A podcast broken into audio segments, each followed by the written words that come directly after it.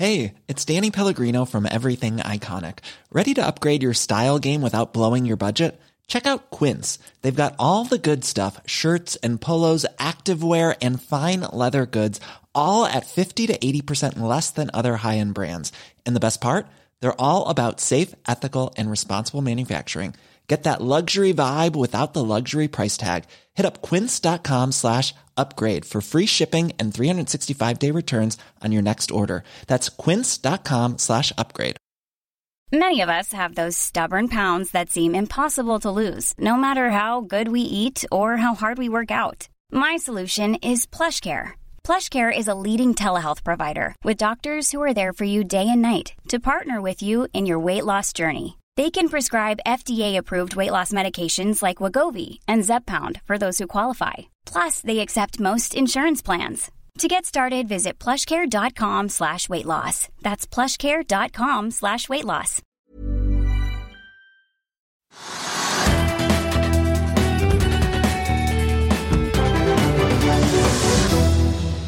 Velkommen til Økonominyhetene på denne første dagen i juni måned. Vi har en tettpakket sending for dere i dag. Vi har snakket med sjefen i Hydros børskandidat Rein, som nå setter i gang en vind- og solinvestering i milliardklassen i Brasil. Og vi har også pratet med sjefen i Wow Green Metal, som har funnet en ny tomt til biokarbonfabrikken på Follum.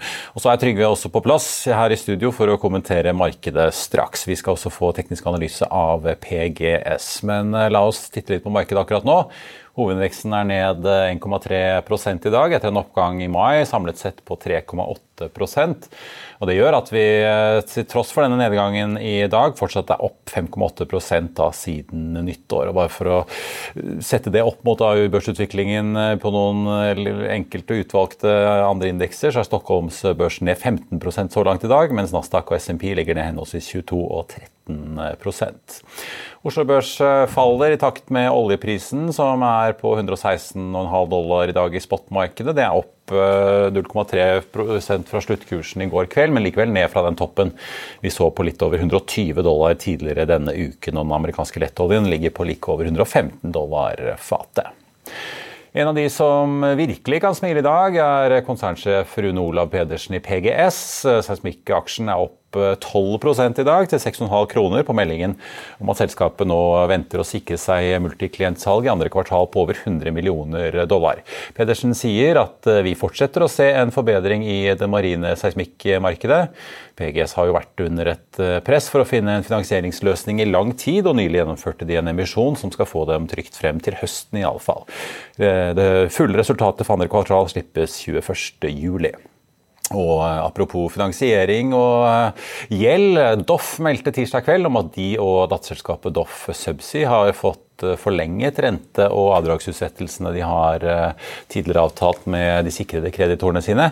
Den aksjen er ned 1,1 i dag. Og så får vi ta med at vi har noen etterslengere i kvartalssesongen. Norcod er ute med sine tall for første kvartal.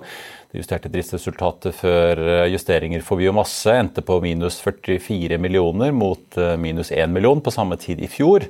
Samtidig steg inntektene fra 12 til 83 millioner kroner, og den aksjen er opp eh, like under 5 i dag. Og så kom det en melding fra Oljedirektoratet om at Aker BP har gjort et oljefunn på mellom 3,7 og 12 millioner fat rett ved Valhall. DNO og Petoro er jo partner i den lisensen, og de to aksjene er ned rundt 1,8% begge to i eh, dag. Før vi går videre i sendingen, husk at du også kan se sendingene våre ved å gå inn på fano-tv, og at vi også har andre podkaster enn bare Økonominyhetene, som Morgenkaffen, Gründerpodkasten Veien hit, Ukens vintips, Kunstpraten og bilpodkasten Mil etter mil. De finner du ved å søke Finansavisen, der du hører på podkast. Og Da skal vi over til Norsk Hydro, eller nærmere bestemt datterselskapet Hydro Rein, som er fornybarsatsingen som ble etablert eh, ved årsskiftet 2020-2021 for å satse på vind- og solkraft, da, i tillegg til den vannkraftvirksomheten Hydro har fra før. I dag annonserte børskandidaten at de går sammen i en joint venture med forvaltningsselskapet Macquaries eh, Green Investment Group om et sol- og vindprosjekt i Brasil.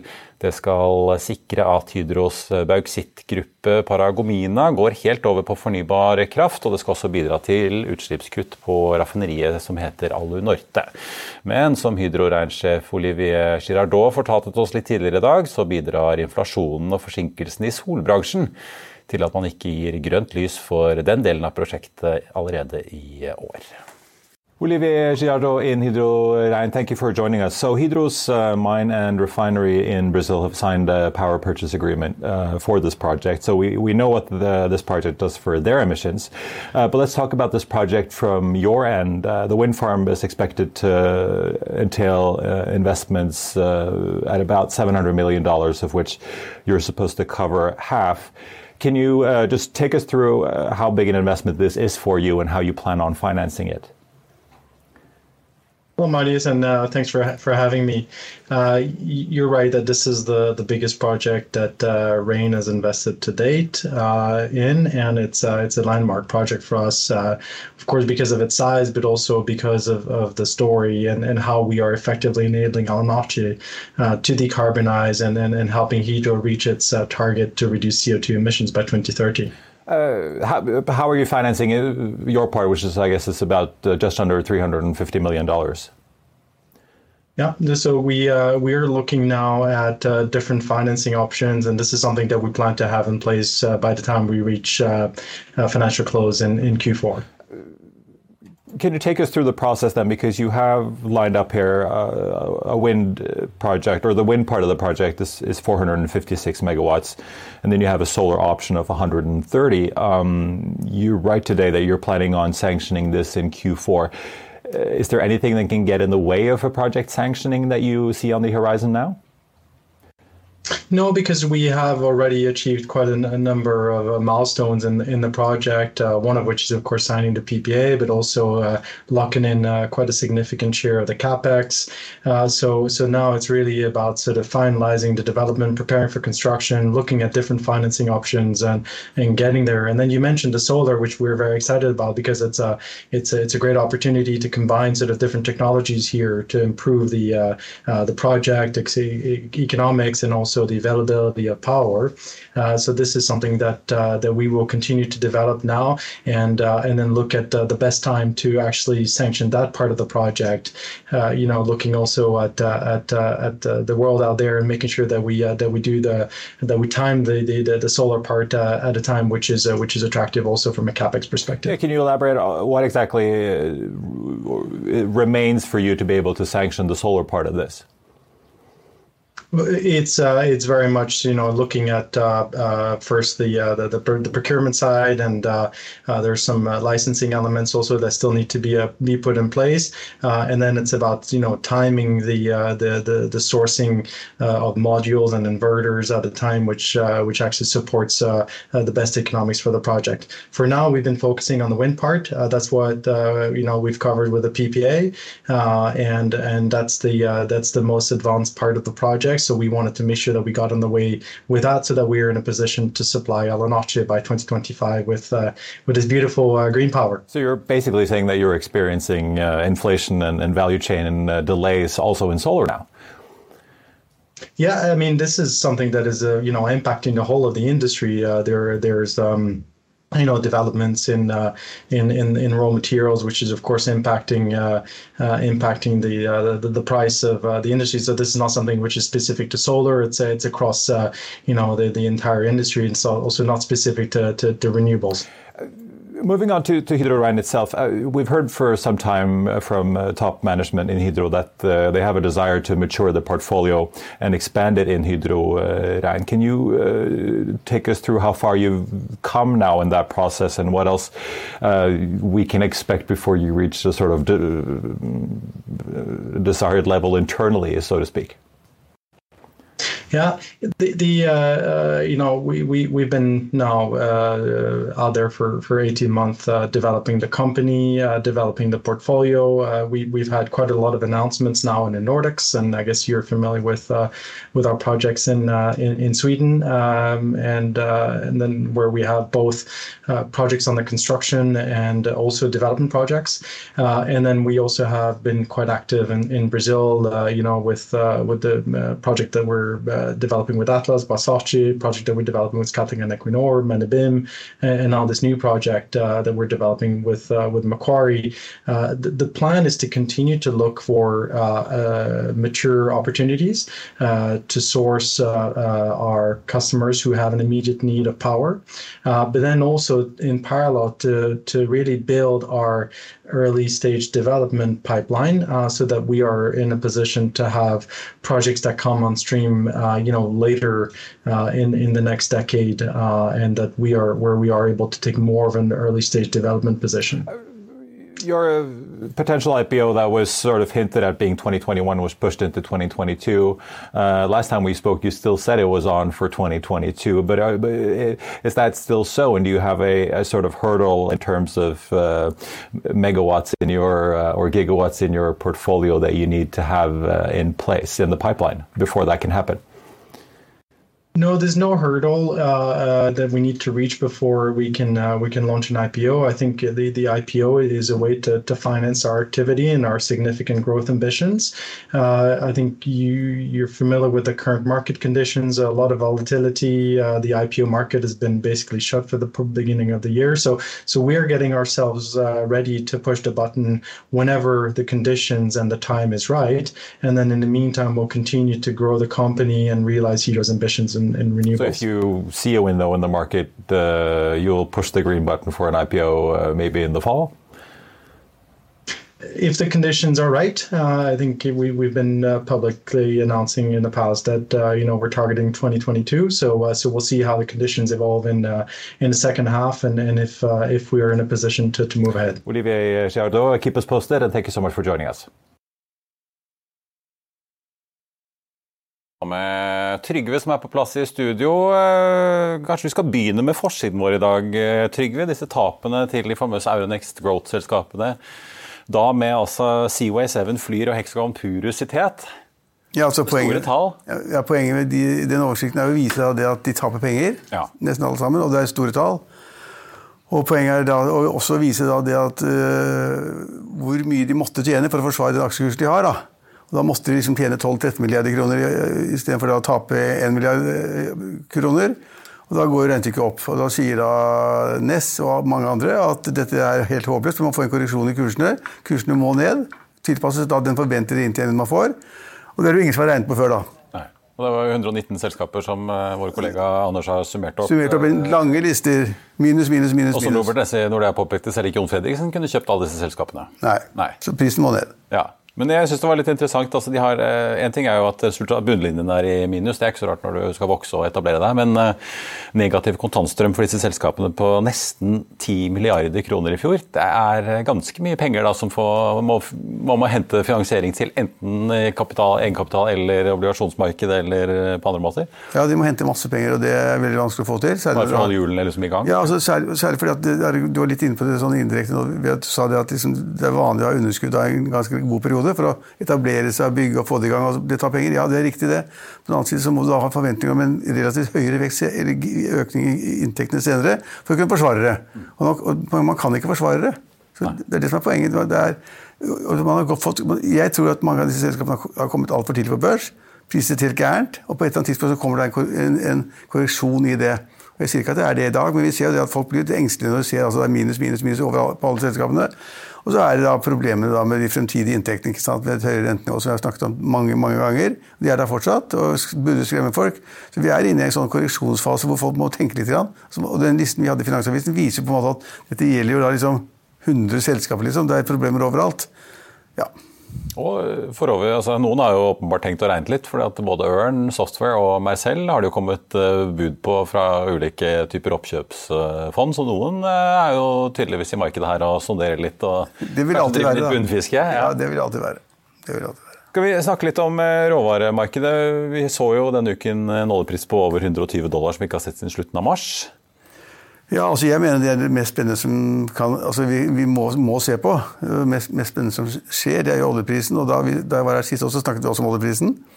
Men nå var jo oljeprisen oppe i 124 dollar per fat. Ja. Og så falt den plutselig 3-4 dollar igjen, så steg den og så videre. Nå ligger den på 119. 116, ja, var 119 og faller ned mot 116. og Det er et ganske godt stykke opp til 124 da, dollar per fat. Det, mens man altså I Norge så ser vi bare store inntekter til oljeselskapene, til uh, Aker BP og andre selskaper og oljeserviceselskaper. Alle de selskapene som er korrelert med oljeprisen, de gjør det bra, og alle snakker om det. I utlandet så snakker de om noe helt annet, nemlig at kostnadene blir så høye. Flyselskapene får høyere bensinpris, industrien kan ikke leve med den høye prisen. Og det er masse negative ting som sier at liksom, dette er kjempeskummelt. Hva gjør vi nå? Energiprisene stiger, oljeprisene stiger. Liksom, vi, hvordan skal vi tilpasse oss? Men vi har jo bare glede av det. Så, liksom, og, og, så er spørsmålet hvor lenge skal den gleden vare? Og øh, jeg må jo si det at en oljepris på 124 dollar på fat, som da kanskje nå har gått til 116 dollar på fat, det er en høy oljepris. Den kan vedvare, men det, det medfører at også vi får sånne geopolitiske spill som er ganske spennende eller interessante nå. Og det er det liksom, hvordan, hvordan skal liksom tilbudssiden bli fremover? Og Da kom det utspillet som, som, da kommer fra det, det såkalte OPEC pluss, alle OPEC-landene pluss Russland, at man skal kaste ut Russland fra det samarbeidet. Hvis man kaster ut Russland, som da på en måte skal sanksjoneres mot, så kan man ta putte Saudi-Arabia inn istedenfor. Og Saudi-Arabia kan produsere mer enn Russland. eller da de andre... OPEC pluss kan holde samme kvoten? Ja. Eller mer. At vi liksom, på en måte kan si at vi, vi, vi kaster ut Russland, vi holder, vi holder, oss ikke til avtalen lenger. Vi bare produserer som bare rakkeren. For at når Russland ikke får lov å selge to tredjedeler av oljen sin i, i, EU, så må noen andre levere oljen. og Da ser de sin store sjanse. slik at det er jo et stort spørsmål, et ganske viktig spørsmål. det er da, Tror man da at Saudi-Arabia kommer på banen? Tror man da når Russland nå blir sanksjonert, da, at to tredjedeler av oljen blir liksom i løpet, faset ut i løpet av 22? Det kan tenkes. Det er jo bare den oljen som går gjennom rør eller pipeline som får lov til å gå. Og Da kan man tenke seg at alt det blir fylt på av eh, Saudi-Arabia og andre land, så man får et nytt OPEC-system. På den annen side så kan man også tenke seg at det, liksom, det kommer ikke så mye i tillegg. At prisen da på en måte på den oljen vi får tak i, den man får tak i i Europa, må bli høyere. Kan tenkes. Og så er det da den delen av oljen som da Russland ikke får solgt innen EU, som da kanskje må forsvinne til India. I USA, den går på billigsalg til India? India, Kina ja. eller, eller, andre land osv. Jeg syns det er kjempevanskelig nå å si liksom, hvor jeg, jeg, har alltid hatt en krav om hvilken vei oljeprisen går. Nå syns jeg det er kjempevanskelig, for den er blitt så høy. Og så er det dette geopolitiske spillet med Russland sanksjonene og hva de ikke kan få levere, og hva de skal skal få kan få levere. Og hvordan de kommer til å jukse med tallene, og hverandre Han kommer til å jukse. Og, liksom, og hvordan slår det ut på tankfarten? ikke sant? Det er kortere, lengre reisedistanser osv. osv. Min konklusjon akkurat nå det er det at vi har kommet på et nivå som er kjempepositivt for masse, mange selskaper. Equinor eller Aker BP eller hva, hva, det måtte være. Og du nevnte var inne på det, altså plutselig så går PGS i været. Ja, det drysser jo ned på selv gjeldstyngede ja, oljeserviceselskaper. Og Prosafe eller hva det måtte være. ikke sant? Alt som har med olje å gjøre. og de, Alle tenker sånn at oljeselskapene har nå mer penger å bruke kan betale bedre. Ratene vil gå opp på det ene etter det andre, og det er bra. Så det er mange som tjener masse penger. De som er veldig, flinke til å kjøpe disse supply-båtene på billigsalg mens de ligger i opplag. Mange gjør det. Mens det foregår re re reforhandlinger og rekonstruksjon av gjelden osv. Så det er jo noen som tjener rått med penger, og når jeg har sett nærmere på dem, så er det mange av mine bekjente og venner som er gode i shipping. De sitter godt i det nå? De sitter ja. veldig godt i det, fordi liksom de tenkte at ok, vi, vi, vi, vil ikke være med på tech lenger, vi vil ikke være med på vekstselskapene, det er gærent, det er litt skummelt. Så gikk de ut av alt det der, og så gikk de tilbake til shipping. Containerfart, tørrlast. Gode gamle, ja. Gode, gamle tørrlasten. ikke sant? Og Fraktet kull og korn og hva det måtte være. Containerfart tjente de penger på. Og når de da liksom var nesten ferdig med å tjene nok penger på container og tørrlast og etablert nye selskaper, Bulk 22 osv., Bulk 2020 så jaggu så er de liksom da inne i oljen. ikke sant? Det, det, og, og, og Kristin Sveas kjøper opp liksom Siem Offshore. ikke sant? De tar kontroll med det uten å blunke en, kveld, en sen kveld. Og, og, og, oljeselskapene tjener vanvittig med penger. Gasselskapene tjener vanvittig med penger, og der sitter da mange av Norges største investorer som da tjener penger, og som da skaper kapital til å gå inn i ganske andre nye, spennende prosjekter. Og noen av dem er så tjener så mye penger at de vet ikke hva de skal gjøre av det. Så de går da inn i prosjekter for å da, bygge opp uh, altså, uh, vindkraftinstallasjoner i Nordsjøen osv. Som kommer til å kreve masse spesialskip og hva man måtte tenke seg av de som skal frakte stål ut og bygge det opp og uh, passe på det og drive service på det. Så det er interessant å se at en stor gruppe investorer har nå faktisk tjent rått med penger i olje og gass. Så er det en stor del av gruppen investorer som har tapt masse penger. i Kahoot gått ned 80 ikke sant? Mm. Andre selskaper som har falt 70-80% og den listen du snakket om. fordi at det er blitt et skille mellom de gamle, gode shippingfolkene som har klart å manøvrere seg inn i olje og den tilknyttede selskaper, og de tjener masse penger. Ja. Og så spør du meg da hvor lenge varer Marius? Nei, de ja, det er oppfølgingsspørsmålet. Ja, for Senest i dag jeg så jo Gazprom var plutselig ute. Det, det foregår jo mye spill her. da. Gazprom var ute og sa for Først har de jo sluttet å levere gass til Nederland, så har de sluttet ja. med å levere gass til Danmark. Og i dag kom meldingen om at de har sluttet, uh, sluttet å levere til Shell punktum fordi at uh, de vil ikke betale i rubler. Ja, det er... Så det er jo en veldig volatil situasjon her. Og med denne oljen hvor Ungarn får unntak fra EUs uh, forbud fordi Ungarn uh, sitter langt inne på kontinentet med rørledninger og får ikke tak i alternative oljekilder så lett. Ja, men det er en uhyre spennende side ved det der. er at Hvis da gassleveransene blir uteblir fra en rekke land, sånn som nå Russland har stoppet i flere land, så må de finne på noe. Så må de få gass fra andre land, f.eks. fra Norge. Så øker prisen på gassen, og Norge blir enda mer populær osv. Det er den ene siden. Den andre siden er at det finnes tekniske installasjoner som kanskje kan erstatte den gassen fra Russland. ved at Da man da tar disse LNG-skivene og gjør de om til faste bøye- og lagerplasser. Så må da noen land kanskje kjøpe disse skivene, som da er spesiallaget for LNG-transport, og som da også er på, på en måte permanente lagerplasser og produksjonsanlegg liggende ved en eller annen kai et eller annet sted. Og hvem kjøper de disse skivene fra nå? Ja, Det er vel Tor Olav Trøim også. Eller kjøper det fra noen norske redere. ikke sant? Ja, det, ja, det det enten det er Høg eller Trøim eller andre som har vært tidlig ute, og som har hatt kjempeinvesteringer og tapt masse penger. For det har ikke vært noe å gjøre, for det har vært nok gass overalt, og gassen har vært priset helt ålreit. Så må de plutselig da ha anlegg som skal fryse ned gassen og frakte den mellom andre land. Kanskje jeg sier kanskje jeg ikke analyserte, men kanskje er det slik at de rederne som har vært litt ille ut med litt for mange LNG-skip og litt for kapasitet der, og det er ikke blitt så spennende. Plutselig er de kanskje leverandør av de nye anleggene, som da små land må kjøpe for å få gassen til seg. Det er i hvert fall interessant å se. Baltikum, eh, der har man jo faktisk tatt noen grep og sikret seg LNG-kapasitet for en god stund tilbake. Og nå er de plutselig da uavhengig av russisk gass, i motsetning til Tyskland. Det er kjempespennende at det ja. går an å gjøre det. at man kan gjøre det, og det er de som inngår disse avtalene. da og så sier man da to eller tre skip av den typen det tilsvarer liksom halvparten av den importen, importen av gass de skulle hatt osv. Slik at de tar en stor del av kapasiteten. Så Jeg har ikke peiling, men kanskje de tjener masse penger. De som da ligger klare nå til å hjelpe da til når gassstrømmene blir litt annerledes enn tidligere. Mm. Så det er olje og gass, og det forandrer mye av norsk økonomi, også investorene. Og så er det krise for mange andre land som ikke kan tilpasse seg like greit som da Norge. Mm. Det virker i hvert fall som det kommer til å gå for full maskin fra rørene fra norsk sokkel og nedover. Skal vi eh, snakke litt eh, på tampen om eh, noen som forbruker olje, nemlig SAS? Ja, SAS er jo Det er, det er blitt et synes jeg, trist tilfelle, faktisk. Ja, For du skriver jo om dette her i lederen litt i lederen i morgen. Ja, litt i lederen i morgen. for Poenget er at altså, kursen, la oss se på kursen, den har vært litt under en svensk krone. Og selskapet har vært priset nå til 6-7 milliarder kroner, svenske kroner. eller sånn nå. Men, men selskapet er jo forgjeldet opp og ned. Det er liksom 40 milliarder kroner i gjeld, og så er det en sånn hybridgjeld som det kalles på mellom 5-6-7 milliarder kroner. La oss si at det er nærmest et eller annet 50 milliarder kroner. Det er ikke i nærheten av å kunne betjene det. Og I første kvartal nå, som da de av, sånn avvikende regnskapsår, i april, så tapte de 1,6 milliarder svenske kroner. Det er liksom bakgrunnen. å tape masse penger. Det vet vi. Ingen er overrasket, ikke du, ikke jeg. Eh, at flyselskapene taper penger. Og så blir det enda verre når oljeprisen stiger og bensinprisen stiger. Og så skal de på en måte orientere seg i et marked hvor Norwegian kvittet seg med masse gjeld. og var kjempeflinke. Liksom ja, alle andre har jo egentlig ryddet opp, eh, ja, ja, litt enkelt sagt. Ja, Norwegian var jo inne, inne, i to konkursprosesser ikke sant? for å bli kvitt den gjelden og re reforhandle. Og, og, masse av de som da hadde lånt Norwegian penger, konverterte til aksjer, slik at de da fikk en relativt liten gjeld. SAS er forgjeldet, har fly som må skiftes ut som ikke passer de rutene de skal ha. De holder på å forhandle med pilotene sine, og det sies at 400 piloter krever jobbene tilbake. De er allerede sparket.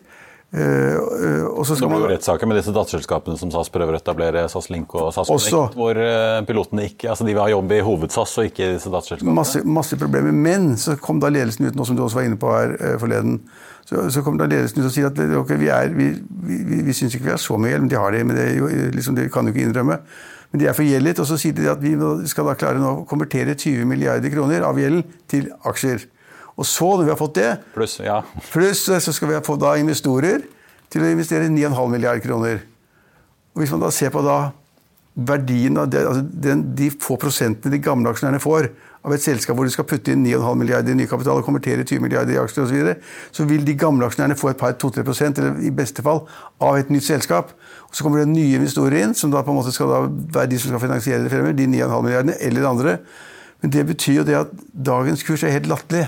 Så den kursen som da kanskje er litt under én krone Den lå på 0,75 uh, her nå i sted. Ned på Når- Nordea mener at det er 10 øre. Ja, ett øre, sier jeg bare. Altså, det er liksom, det er dit skal kursen. fordi at Når man får den mengden nye aksjer inn i selskapet, så må man se på at den mengden aksjer, som da blir verdt omtrent null, den er på papiret verdt da 5-6 milliarder kroner. Og det vil si at Hvis man da gjorde det om til de nye aksjene, så ville da SAS i realiteten være priset til 120 eller 30 eller 110 milliarder kroner, hvilket er noe forbanna tull. Så den kursen skal ned, og jeg mener, og jeg mener at de er utsatt for en konkursrisiko nå. For nå går selskapet ut og sier at vi må konvertere så mye gjeld til aksjekapital fra kommunen. Vi må ha inn 9,5 milliarder kroner. Hvem skal gjøre det? Kjenner du noen? Altså, Selv ikke Jon Fredriksen kaster penger etter seg. Og han gikk jo inn i Norwegian. Han etter gikk inn i at- Norwegian. Det er jo litt- etter at han kvittet seg med gjelden. var det etter at Ja, han med ja han, kom, han ville ikke ha noe annet enn blanke ark. Han skulle Nei, gå inn med ny Han kom, kapital. bak, kom bakdøren etterpå. Og, og de som da er proffe investorer, de går ikke inn der uten å få total kontroll. slik at De gamle aksjonærene blir omtrent borte, tar de fullt kontroll hvis de gidder. Og så får de et flyselskap som konkurrerer med Norwegian og Lufthansa, BA og Ryanair og hva det måtte være. Flyr. Ja, Norse. At du kan bare, jeg kan ramse opp flyselskaper på flyselskaper og flyselskaper. De amerikanske som flyr inn til Europa. Ja, og- så, ja. så, så de, det kan jo tenkes at de 9,5 milliardene er helt waste. Og så må vi huske på det at den danske og svenske stat er eier av SAS med 22% hver. Norge var er medeier, solgte seg ut i 2018. Veldig smart. Jeg har spurt om det i mange år. Uh, inntil den borgerlige regjeringen da liksom endelig gjorde noe med det og solgte seg ut. Isaksen solgte de aksjene. ja. Ja, det var ganske godt gjort, gjort faktisk, og vi roste han faktisk på lederplass også. Uh, Men poenget er jo da det at hva vil Sverige og Danmark gjøre? Vil de liksom si vi skiter i at altså, vi, vi puttet 14 milliarder inn her i, i 2020 eh, for å hjelpe til under pandemien. Nå kan vi godt putte inn 5 eller 10 milliarder til. Vil de det? Og så kommer, synes- så, så kommer de kanskje til den norske regjering. Vil dere, dere har stilt en garanti på halvannen milliard en gang. Vil dere konvertere det til aksjekapital? Eller vil ha, hva vil dere, eller skal det bli nye, nye eiere, dere også? Så at, altså, man er forgjeldet, har stater som eiere, de har jo ikke peiling. Markedene er kjempevanskelige, bensinprisen stiger. Hvem skal bli investor her? Og nye, den den nye konsernsjefen sa det at Van der Werft, ja. Van der Werf, ja, vi trenger nå nye, snille eiere som skjønner at vi er godt kapitalisert, vi har ikke for mye gjeld, og det er bare å komme til oss, gode, snille investorer. Sverre Myrli i Arbeiderpartiet har jo tidligere snakket om at uh, her må man gå inn. Men det jeg syns er interessant, er jo da i, i 2020 under pandemien så så jo den danske finansministeren og sa rett ut at SAS skal reddes. Punktum. Ja. Da er det jo ikke veldig mange kreditorer som er villige til å gi ved dørene. Men Det er også et, veldig- også et veldig godt poeng, for ved å si det, så ødela han forhandlingsposisjonen Ja, voldsomt. Men interessant, så er det jo mye spill og politikk og finans oppi dette her, men i den børsmeldingen de sendte ut denne uken, så står det faktisk at slik situasjonen ser ut nå, så ser det ut til at en betydelig andel av da, den nye kapitalen på 9,5 milliarder vil komme fra nye investorer. Så om det er et signal eller en realitet at det da faktisk Ja, hvem- kanskje ikke er så stor interesse i Stockholm og København for å bidra med noe særlig mer penger, det er jo Men, men Det blir jo veldig veldig det? spennende å se. Hvis du har 40-50 milliarder i gjeld, det er ikke alt du klarer å konvertere til aksjekapital. Du blir sittende med en ganske stor gjeld. Og hvor skal de investorene komme fra i et så vanskelig marked, i et så vanskelig selskap? Altså, de kommer kanskje noen, men, jo, men du, da må du, liksom, du må nærmest tvinge dem, piske dem, eller gi dem så store det er veldig gunstig prising. ja. Eller nettopp ved så store gulrøtter ved en gunstig prising at liksom da får selskapet for 3 kroner og 20 øre eller sånn. Og det, kan godt, og det kan være en god bet for noen, men det er på en måte ikke gitt at du klarer å få da i en avtale med pilotene at du får lage de driftsselskapene du vil, at du får lage de selskapene med nye, nye altså, ja, kanskje nye interessenter i andre land, nye baser osv. Du vet jo ikke hva som skjer. og Da gjentar jeg meg selv litt bare at Norge har jo bitte lille Norge har jo Norwegian. Og vi har fått fly som da fem-seks fly, hva måtte være. Og vi får Norse som skal fly ute. Og så har vi da eh, EasyJet og andre selskaper. Ryanair og KLM og British Airways. De, de, venter bare på å gå inn i Norge eller andre sånn, hvis de får sjansen. Så at SAS har ingen spesiell altså Flyene er flyene, de er altså nesten like da de eh, fløy med Norwegian her forleden. og kommer til å fly med Norwegian til helgen også. Og De er nesten like som SAS-flyene. Så de har på en måte ingen fordeler som andre flyselskaper ikke har. De, er, de har ikke lavere driftskostnader, de har ikke lavere lønninger, eh, de har ikke nyere fly. de har ingenting. slik at SAS er nå en krisecase. Og, og, og det på, er at kursen falt 7% i går. Og falt 7 7% i dag. i dag også. Og faller sikkert 5-7 i morgen også, inntil det nærmer seg da en kurs på 20-10 øre eller 5 øre. Og jeg mener det skal være 1 øre. Så er det jo veldig skutt for hele bransjen da, at når de endelig skulle få en sommersesong hvor de faktisk kunne tjene litt penger igjen, så koster drivstoffet altså skjorta. Ja, Og så er det bare bråk. Og, så får du da, Det står jo engstelige mennesker frem overalt du sier at jeg tør ikke booke med SAS. for at liksom Hvis jeg booker, kan jeg få reise. Blir, blir turene stoppet. Og de har, de har jo allerede kansellert 3000 eller 4000 4075 i sommer er kansellert. kansellert. Liksom, kan tenke Rett slett fordi de, de har ikke nok crew og Nei, nok hvis- deler, altså logistikken eh, Nei, Marius, hvis du får den beskjeden, hvilket selskap booker du med neste gang? Booker du med SAS eller booker du med I Norwegian? hvert fall fleksbillett. Mm. Det tror jeg er det viktigste. så, det er en stygg case. Det har gått altfor mye penger ned. De var, håndterte det kjempedårlig under pandemien, hvor de skulle sa, satt seg ned og sagt at vi må bli kvitt oss med gjelden. Vi må ikke få ny gjeld fra, liksom, de danske og svenske staten. Vi må ikke få ny gjeld fra andre. Vi må liksom kvitte oss med gjelden, få ny, litt ny kapital og jobbe videre. De gjorde alt feil i den prosessen og ble sittende med gjelden. Skiftet ledere på løpende bånd, har ikke peiling, og, og de har skjønt lite av aksjemarkedet. Og tror at investorene står i kø for å kjøpe aksjer her. Det er bare tull. Kontrasten er i hvert fall stor fra før pandemien, hvor Norwegian tapte penger. SAS faktisk tjente penger. Og, Ja, Norwegian holdt på å gå og nå er det bare snudd helt rundt. Ja, men Norwegian Ja. holdt på å gå Folk skjønte det ikke. De var i en enorm øh, vanskelig situasjon. Hvor poenget var å få gjelden vekk. Og få en bitte litt ny kapital. Og da var da John Fredriksen snek seg ut i bakdøren og sikret seg en av selskapet. Om han har noe glede av det, aner jeg ikke. Men i alle fall så, nå har altså da Norwegian inngått avtale tilsynelatende med Boeing om da 50 nye fly. De, stridsøksen. hvor de ikke har fått noen billig de har fått så veldig billig, de har ikke fått, men de, liksom, de har saksøkt Boeing, så istedenfor å saksøke dem, så får de litt rabatt på de nye flyene, så blir det sånn pakke som passer Boeing pent og passer Norwegian pent. Men de kan kanskje få da 50 nye fly hvis de trenger det. Hvis de trenger det. Ja. Det Mark, markedene er skumle. Litt roligere takter fra Norwegian enn det det var i gamle dager. Da de hadde var det 160 fly. Nå nøyer de seg med oppunder 100. Ja, og så fløy da Norwegian også over oversjøisk, ikke sant, med Dreamlinerne, som stadig hadde problemer også. Nå, kommer jo på norske, som da er liksom de som har kjøpt flyene til eh, Norwegian, som de ikke klarte å betjene, de Dreamlinerne, som de skal dra drive i fart til New York eller andre steder. Det er et spennende marked, men jeg har ikke sett noen investorer som har penger på det ennå. Nei, vi får se. Takk skal du ha, Trygve. Vi skal eh, over til dagens eh, aksjetips, der det går opp for Trame og ned for SAS Satsa. To av eh, Tor Olav Trøims aksjer får seg et løft, og hvor lite verdt kan SAS-aksjen egentlig bli? Det er onsdag 1. juni, og dette er noen av meglerhusenes viktigste anbefalinger. Det har vært eh, gode tider i shipping i eh, lengre tid, unntatt i tank, da, men Arctic Security ser tegn til en syklisk bedring og oppjusterer nå flere tankaksjer. Frontline løftes fra 80 til 115 kroner, Hafnia jekkes opp fra 22 til 45, Hunter Group fra 340 til 390, og Euronav tas opp fra 11 til 14,5 dollar. Jon Fredriksen forsøker jo å slå sammen sitt frontline med det belgiske tankrederiet, og Arctic de beholder kjøpsanbefalingen på alle sammen. Og Vi holder oss til Arctic Securities, for meglerhuset har også regnet på Tor Olav Trøims riggselskap Borr. Der løfter de nå anbefalingen fra hold til kjøp, og jekker kursmålet kraftig opp fra 25 til 67 kroner. Meglerhuset skriver at den sterke forbedringen i de fundamentale forholdene innen jackup-segmentet har åpnet opp for flere alternativer for den kommende refinansieringen av boredrilling, uten en betydelig utdanning av egenkapitalen. Og Vi holder oss på havet, men går til DNB Markets. De øker kursmålet på Trøim-rederiet Cool Company fra 94 til 107 kroner og gjentar kjøpsanbefalingen. Gassfraktrederiet ble skilt ut fra Golar LNG og børsnotert i februar. Og til slutt så må vi innom SAS. Det tradisjonsrike flyselskapet annonserte denne uken flere detaljer i den nye redningsplanen sin, som altså heter SAS Forward, som opprinnelig ble lansert i februar.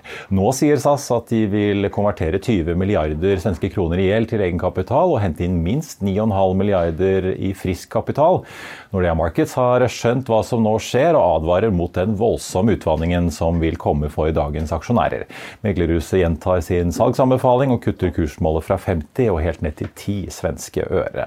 Og det var dagens aksjetips. Mer børsstoff får du som alltid på fa.no.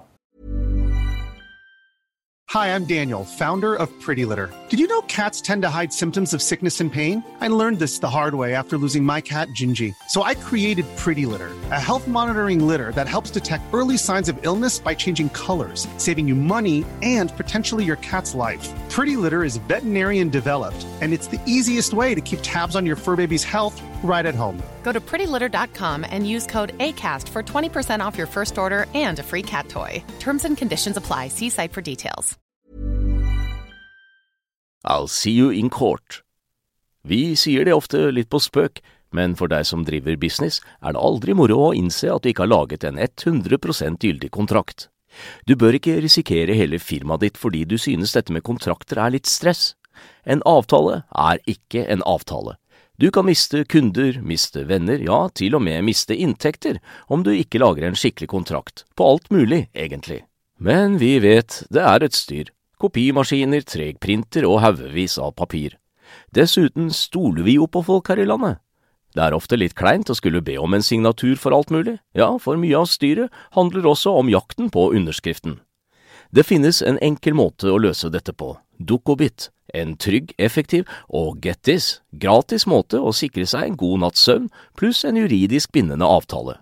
Dukkobit-appen har de strengeste sikkerhetskrav i bunn, samt en EU-godkjent og sertifisert teknologi. Framover vil det bli behagelig å spørre du, skal vi skrive under på det, eller? Kom i gang på dukkobit.no. Og SAS-aksjen er ned 7,4% på Oslo Børs. Eh, til kontrast er Norwegian opp 1,2 i dag. Etter planen så får vi besøk av Norwegian-sjef Geir Karlsen her i studio på tirsdag, altså over pinse, da Norwegian er klare med sine trafikktall for mai måned. Da skal vi over til dagens andre gjest, som faktisk var på besøk her litt tidligere, fordi hun akkurat nå står på scenen på selskapets Bioenergy Day. Og vi tok en prat med sjefen i Wow Green Metals om selskapets planer, tiden på børs og mer. Bare se her. Men nå har jeg sjefen i selskapet som snart kan feire ett år på børs, og som den gang solgte seg inn som et industrielt prosesselskap som leverer produkter som er essensielle for den grønne omstillingen. Så hvordan har det gått, og hva er planene videre? Det skal vi høre mer om fra deg, Cecilie Jonassen, konsernsjef i nettopp Wow Green Metals. Velkommen til oss. Tusen takk. Eh, noen vil jo sikkert huske at dere ble spunnet ut av eh, det som da heter Wow, som i sin tid var Scanship Holding, som jo kanskje aller mest er kjent for renseanlegg eh, for cruiseskip. Men det ligger jo litt i navnet Green Metals at dere driver med noe litt annet. Hva er det egentlig dere driver med? Det vi holder på med, er jo å bygge opp en ny industri. Så Wow, som er en teknologileverandør, og så er vi et industriselskap. Vi skal produsere biokarbon, som er et materiale som brukes i produksjonen av metaller. Ja. Og spesielt i metallproduksjonen her i Norge, som er eh, silisium og ferrosilisium osv. Ja, for dere er jo uh, kompaniskap med bl.a. Elkem, som jo er en stor ja. aktør i bransjen. Så dere fikk egentlig teknologien ut fra Wow, da, og så skal dere da bygge anlegg av dette mens de fortsatt holder seg til teknologien? De fortsatt holder seg til teknologien og leverer flere anlegg, og, og bidrar på prosjektsiden og få, få etablert fabrikker. Og så skal vi eh, eie og drifte og få dette her opp og gå. Du, eh, Idet dette blir eh, sendt, så står du jo på scenen eh, nede i byen på det dere kaller altså Biocarbon og Bioenergy Day. Ja. Et litt fancy navn for en kapitalmarkedsdag, eller? Det, det, kan man kalle det. Men på den annen side så har vi klart å få med oss de aktørene som vi skal jobbe med. Um, Bl.a. Elkem er der og sier noe om deres strategi rundt biokarbon. Vi har med oss en emballasjeproduksjon produsent som er opptatt av å få økt sirkularitet i sine produkter. Vi har med oss Bellona, vi har med oss Wow som teknologileverandør, og eh, også litt eh, mindre selskaper, men som Sahara Forest Project. Men forklar altså biokarbon. Det erstatter da altså råkarbon som disse bruker ellers, da, fossilkarbon? Ja, det gjør det. Altså, og det, det, fine med dette er det at det er, ikke, det er ikke et energiprodukt. Og så sier man biokull, så tenker man med en gang at dette her fyrer man opp med. Men det gjør man ikke. Altså, det Biokarbonet det gjør, er en viktig del av hele den prosessen der å lage silisium, som igjen går til solceller, um, ved å fjerne oksygen. Altså, så det er et reduksjonsmateriale. Ja, ikke sant? Ja. Så, og det, man kan ikke bruke noe annet. Også spesielt i den produksjonen av silisium så må det være karbon som inngår. Ja. Der kan man ikke bruke hydrogen. Nei, Man kan ikke holdt på å elektrifisere Nei, prosessen som man kan de andre er, deler? Du, eh, det, no, dere har jo, Da dere gikk på børs, så var jo liksom det store at dere skulle da bygge et eh, anlegg eh, på Follum, som blir deres første. Som ja. en, eh, si, en trestegsplan i ekspansjonen ut i den store verden. Det anlegget skulle jo stått ferdig i år. Ja. Så ble det jo etter hvert kjent at det var noen litt usikre grunnforhold der oppe, som gjorde det litt tricky å, å gjøre dere til den største produsenten av biokarbon sånn i år. Her i Europa. Eh, men den 22. mars så meldte jo dere at styret skulle vurdere andre beliggenheter eh, til anlegget. og Rett og slett bare fordi det vil kreve ganske mye investeringer og arbeid for å sikre den tomten dere hadde tenkt å bruke. Ja. Nå har dere kommet med en oppdatering i dag. Hva er det egentlig dere har bestemt dere for? Nei, altså Vi er fortsatt på Follum, så vi har, vi har måttet vurdere forskjellige steder på Follum for å sette opp eh, fabrikken. Og nå har vi klart å lande på noe som vi ser at vi får god, eh, godt samspill med øvrige aktører på, på siten. Um, og så må det selvfølgelig pågå en god del merarbeid der også. Det, Men altså Samme tomt eller ny tomt? Uh, det, er, det, er, et annet sted på selve Treklyngen industripark. Ja. Uh, sånn at det, der får vi interaksjon med, med, de aktørene som var der fra før, altså som var Vardar, og andre potensielle nye aktører på Treklyngen. Så det er det vi tilpasser oss. da. Og nå ser vi at vi, vi kan klare å, å komme i havn, men vi er nødt til å, å gjøre den jobben som skal gjøres eh, der også. Så det er klart det er eh, nå å se om eh, kan vi spare inn på noe. Gjenbruk av bygningsmasse bl.a. er en av de tingene som vi nå har muligheten til. Det hadde vi ikke der vi var, så nå skal vi benytte den neste måneden eller to fremover for å få brukt så mye som mulig av det som er der, for å kunne kompensere for den tiden vi nå har mista på på å undersøke nye steder. Ja, for det alle, det alle selvfølgelig da lurer på, er jo eh, tid og, og kost her. Eh, når kan dette anlegget da stå ferdig, tror dere? Eh, altså, vi er fremdeles i 2023, ja. så det er den tidslinjen vi jobber mot. Og utstyret er bestilt, så det er klart at hvis det kommer store endringer i prosjektet, så, så kan det hende at det skyves noe. Men det er det vi nå jobber med, å se at vi kan redusere på best mulig måte. Nå er det bare å få Brett opp armene som dette. Men, men, hva med kostnadsnivået? Er det sånn at det er eh, innenfor omtrent de rammene dere så for dere, eller? Ja, vi ser at vi kan kutte noe, og så kommer vi nok til å trenge noe ekstra utstyr eh, og noe ekstra prosessutstyr. Eh, men vi, vi håper på å holde oss innenfor de samme rammene, ja. Mm. Men er det sånn at vi da kan vente en oppdatering fra dere da en eller annen gang ut i august, kanskje? eller noe sånt, Hvis du sier at dere trenger et par måneder nå på å gå gjennom eh... Ja, altså Vi ønsker å komme med oppdateringer så tidlig som mulig. Så det er eh, mulig at vi kan komme med enda tydeligere tidspunkt for når ting skal være klart osv. Og, så og få annonsert når de viktigste punktene på den eh, planen eh, er fullført. Sånn at vi sikrer at vi ikke kommer opp i en ny grunnundersøkelsehendelse f.eks. Og at dette går raskt. Så, så vi, vi ønsker å gi oppdateringer fortløpende nå, sånn at vi viser viser den fremdriften vi har. Ja, det hadde vært litt uh, kjedelig.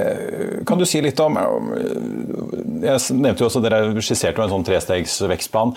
Ja. Hvor dette anlegget på Follum blir det første med en kapasitet på 10 000 eh, tonn. Og så skal dere etter hvert da, ta to steg ut i Europa og uh, verden. Hvordan ser dette markedet ut uh, nå? da? Det har jo skjedd ganske mye siden dere gikk på børs uh, i fjor, uh, med både en invasjon av Ukraina og et EU som både skal ha mer fornybart og også mer olje og gass fra alle andre steder enn Russland, virker det som. Mm. Vi ser at kvoteprisen i EU, som jo blir en viktig faktor for dere, oppe i 84 euro, har jo vært oppe og snust på nesten 100. Mm. Hvor høyt må den for at dette caset regner seg hjem for aktører som trenger eh, karbon? Det holdt seg i fjor, så det holder seg der vi er nå. Så det, det skal nok gå bra. Ja, Dere trenger ja. ikke på en måte mer enn en 80, 85 euro tonnet? Nei, så det, vi, er, vi, er, på gode tall, vi nå. Du, eh, kan ikke du si litt om, Dere har jo inngått en del partnerskap eh, som er innom med Elkem eh, bl.a., mm. som eh, da blir sluttkunde, altså skal ta imot produktene deres. Mm. Er det sånn at dere har sikret dere at dere blir kvitt alle de 10 000 tonnene når dere kommer i full drift, eller? Vi skal ta oss og jobbe med den avtalen, så vi har ikke signert alt ennå. Men vi samarbeider med Elkem for å få laget det produktet, sånn at de kan få realisert sine mål om å bruke biokarbon i sin produksjon. Ja. Så det, det, er klart at 10 000 tonn av et uh, totalforbruk på nærmere 500 000 tonn uh, hos Elkem, det, det, er, det er likevel et lite stykke å gå. Ja, ikke sant? Men eh, hva skal til da før dere tar neste steget videre fra dette førsteanlegget? Da? Er det sånn at dere trenger en viss driftstid, eller handler det mer om at dere må signere og finne kunder som eh, kan ta unna mer enn 10 000 tonn? Nei, altså På biokarbonsiden så er vi ganske trygge på, på avtaket. Eh, det vi jobber med er bioenergisiden. Og det er klart at interessen har økt betraktelig etter at prisene også på naturgass og behovet for diversifisering har kommet. Så det er klart at selv med Fit for 55 i fjor sommer, så med Repower EU nå, så, så er det et det er en litt annen pull enn det vi så for et halvt år siden. Ja. Eh, og det innebærer selvfølgelig at vi nå jobber med caser hvor selve energileveransen er kanskje noe av det viktigste vi gjør. Så det er eh, flere interessante muligheter som vi ser på. Både her i Norge og i utlandet. Ja, det var det jeg skulle til å si. Da snakker vi fort, eh, da snakker vi fort. Ikke Norge, men kanskje Tyskland eller Sentral-Europa? Ja, og i Frankrike f.eks. Ja. Eh, jeg hører litt med finansieringen deres. Altså, dere endte jo um, året med nesten 70 millioner kroner på konto, altså 2021. Mm. Dere har jo sagt at dere med 150 millioner i egenkapital og, og, litt over 80 millioner i støtte fra Enova er fullfinansiert. Er det fortsatt sånn dere regner det, eller vil dere trenge noe påfyll av enten kapital eller lån, i og med at Follum-prosessen har sklidd litt ut i tid? Um hvis det blir store endringer, så kan det hende at det skulle trenge noe, men foreløpig så ser vi ikke det. Nei. Nei. Dere har jo vært, eh, som en del andre av disse grønne vekstaksjene, har dere jo sust opp i kurs. Dere var jo nesten på ni kroner her i august ja. i fjor, eh, og er nå litt eh, rundt tre kroner og 20. Dere åpnet jo på fem da dere gikk på børs i juli i fjor. Mm. Hva vil du si til investorer som vurderer aksjen deres? Hvorfor, hvorfor, skal jeg sette penger i akkurat Wow Green Metals, da? Ser på driverne behovet for begge våre produkter, altså biokarbonet, som eneste mulighet for å virkelig dekarbonisere viktige eh, prosesser for å bl.a. produsere mer fornybar energi. Sånn at hele den kjeden, skal man klare å gjøre dette bærekraftig, så er biokarbon et kjempeviktig produkt. Og så er det en god utnyttelse av materialer. Det har kanskje ikke snakket så mye om i dag, men det at vi bruker avfall som en innsatsfaktor i vår prosess, så klarer vi å øke eh, sirkulariteten eh, og bidra til at vi eh, får et mer bærekraftig samfunn. Cecilie Jonassen i Wow Green Metals, takk skal du ha. Og så får vi si lykke til når du nå står på podiet nede i byen. Ja, tusen takk. Før vi går videre i sendingen, så tenkte jeg bare å ta med da at Vagri Metals er opp 1,6 i dag på denne biocarbon-dagen de arrangerer, mens storaksjen er eh, Wow er ned 0,2% Så har det kommet et par andre børsmeldinger jeg tenkte å ta med. Oslo Børs melder at de har satt Elop på straffebenken, eller penalty benchen som det formelt heter, fordi selskapet har brutt kravet til selskaper på Euronex Growth om å offentliggjøre årsrapporten innen utgangen av mai måned. Selskapets aksjer forblir i denne kategoriseringen så lenge de ikke etterlever kravene. Elop har for øvrig invitert til en markedsoppdatering fredag 10.6 her i Oslo. Og så snakket Trygve jeg om investorer som satser på offshore om dagen. Og det har kommet meldinger nå i ettermiddag eh, til børsen om at Kristen Sveås sitt investeringsselskap Kistefos har forlenget terminkontrakter på totalt 4 millioner aksjer i Solstad Offshore, som dermed viderefører eksponeringen hans tilsvarende 5,17% og den nye terminavtalen den løper til 1.12. En annen terminavtale som er forlenget til 1.12, er Sveås sin i Panoro Energy der han eh, sitter på terminer for 11,4 millioner aksjer. Det tilsvarer 10,07 jeg nevnte jo i sted at eh, Elop har blitt satt på straffebenken Oslo Børs for å ikke ha årsrapporten sin klar. Det ble også GNP Energy gjort i dag. Det var jo da i går at det ble klart at eh, strømselskapet, som har fått en rundhjuling av strømprisen, da har utsatt eh, offentliggjøringen av årsrapporten. Som du kunne lese i avisen i dag, så sendte jo GNP Energy først konsernsjefen på dør, og deretter sa finansdirektøren i selskapet opp. Og nå varsler selskapet altså et kjempetap etter tidenes strømbom, da de havnet i skvis mellom da fast- og makspriskontrakter som de har solgt, eh, mot da strømprisen ute i markedet som de må kjøpe inn, som har steget kraftig. I dag er aksjen opp 3,1% så langt i år er den ned 28 På Oslo Børs akkurat nå så har hovedveksten ned 1% til en oljepris som har tikket enda litt lenger oppover utover dagen til 117 dollar og 60 cent i spotmarkedet for et fat nordsjøolje. Den amerikanske lettoljen ligger like bak på 116,60. Så snakket vi om SAS i dag. Den aksjen er ned 7% blank til 75 øre aksjen. PGS en av de store vinnerne i dag. Seismikkselskapet som har slitt lenge, opp nesten ja, litt over 10,5% nå. Og så får vi også ta med da Wow Green Metal opp 1,6 da når de arrangerer sine minikapitalmarkedsdag. Og så var jo da datterselskapet til Hydro, Hydro Rein, ute med prosjektplanene sine i Brasil i dag. Den aksjen altså til Hydro også er ned 3,8 i dag. Og så får vi da se om Hydro Rein finner veien ut til Oslo Børs, de også i løpet av året. På listen over de mest omsatte aksjene så er det Equinor som er på topp med en nedgang på 3% etterfulgt av Hydro altså. Aker BP ned 2,4% og så følger vi etter da med Rex Silicon som er opp 1,4 PGS, og Vår Energi som er ned en halv prosent. I Finansavisen i morgen så kan du lese Trygves leder om at det ser mørkt ut for SAS-aksjonærene. Du kan lese om spanske fond som har fattet interesse for en norsk Grieg-aksje. Du kan lese om Selina Middelfarts gullportefølje, turisttrøkk i Spania, og det blir også børsintervju med forvalterduoen Kjell Morten Hjørnevik og Knut Bakkemyr i DNB. Og Det var det vi hadde for deg i dag på denne første dagen i juni. Men vi er tilbake her i morgen klokken 14.30. I mellomtiden får du som alltid siste nytt på fa.no. Mitt navn er Marius Lorentzen. Takk for at du så eller hørte på, og så håper jeg vi ses igjen i morgen.